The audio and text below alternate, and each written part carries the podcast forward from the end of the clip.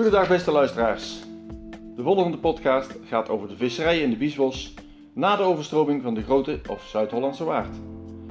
Dit naar aanleiding van het jaar van de Biesbos, dat nog duurt tot september 22. De visserij is van oudsher met de Biesbos verbonden geweest. Langs de rivieren Maas, Amer en Merwede liggen kleine dorpjes die vroeger bekend waren om de visserij.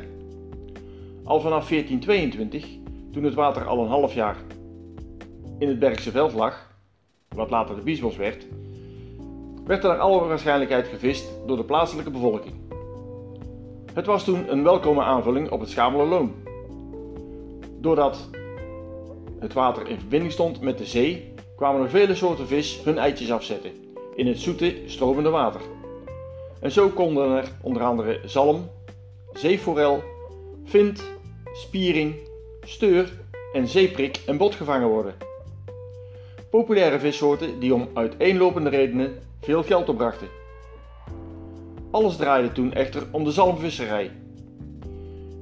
Iedere andere vorm gold als bijzaak. Het landschap werd eeuwenlang bepaald door grote zalmsteken.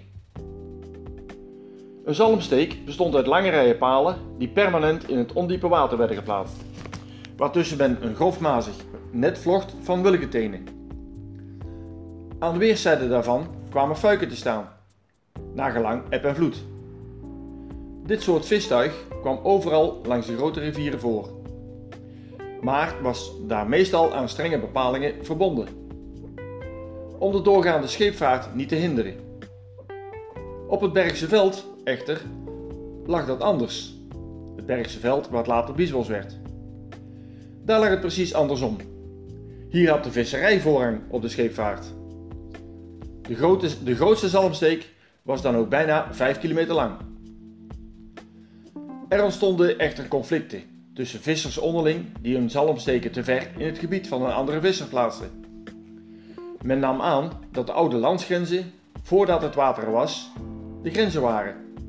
Dus voordat de overstroming van 1421 er was en het land nog Grote of Zuid-Hollandse Waard heette. In de jaren 20 van de 16e eeuw gaan de machtheffers, machthebbers pacht heffen over hun wateren.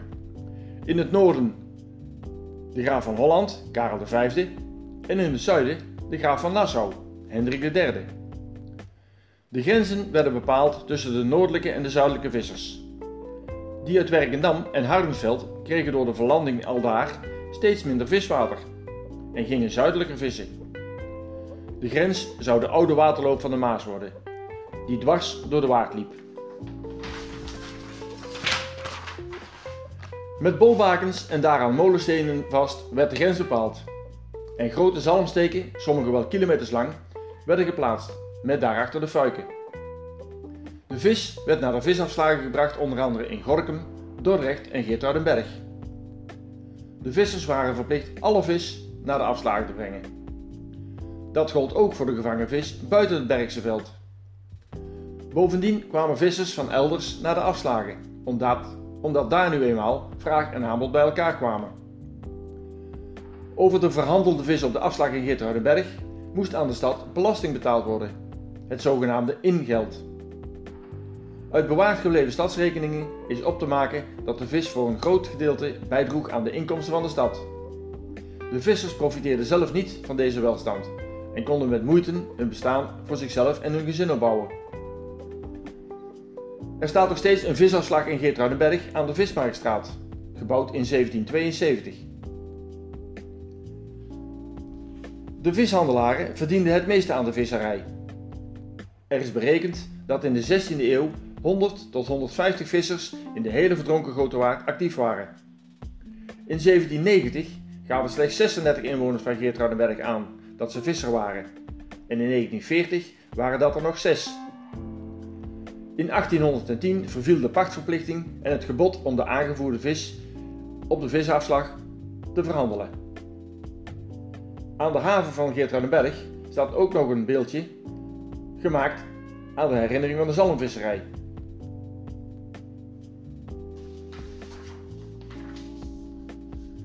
In 1850 werd besloten tot de aanleg van de nieuwe Merwede. Daarvoor werd in 1861 de eerste stoombaggermolen ingezet, al spoedig gevolgd door meerdere baggerwerktuigen. Hiermee, was dit werk het eerste in Nederland waar op grootschalige wijze gebruik werd gemaakt van de stoombaggertechniek. In 1885 had de vaarweg over de hele lengte de gewenste breedte van 400 meter bereikt. Vanaf 1880 werd de visafslag in Geertruidenberg niet meer gebruikt. Het verlandingsproces in de Biesbos deed de visserij geen goed. Ondanks de waterstaatkundige maatregelen die genomen werden om de effecten ervan te verminderen. Waterverontreiniging, vernietiging van paaiplaatsen door het kanaliseren van rivieren en door slecht werkende zalmtrappen en tot slot de afsluiting van het Haringvliet in 1970 in het kader van de deltawerken brachten de nekslag toe aan de massale visserij. Een enkele visser ging nog verder met zijn bootje vanuit de havens van Werkendam, Hardingsveld, Zwaluwe en de omringende plaatsen rond de Biesbos. De bronnen voor dit verhaal waren www.biesbos.nu, de zalmvissers van de Biesbos van P. Martens, de Biesbos Kerentij van K. Rijkhoek, de Ruige Biesbos van C. Baartman, internet en het archief van onze erfgoedvereniging Heerlijkheid Hoge en Lage Zwaluwe.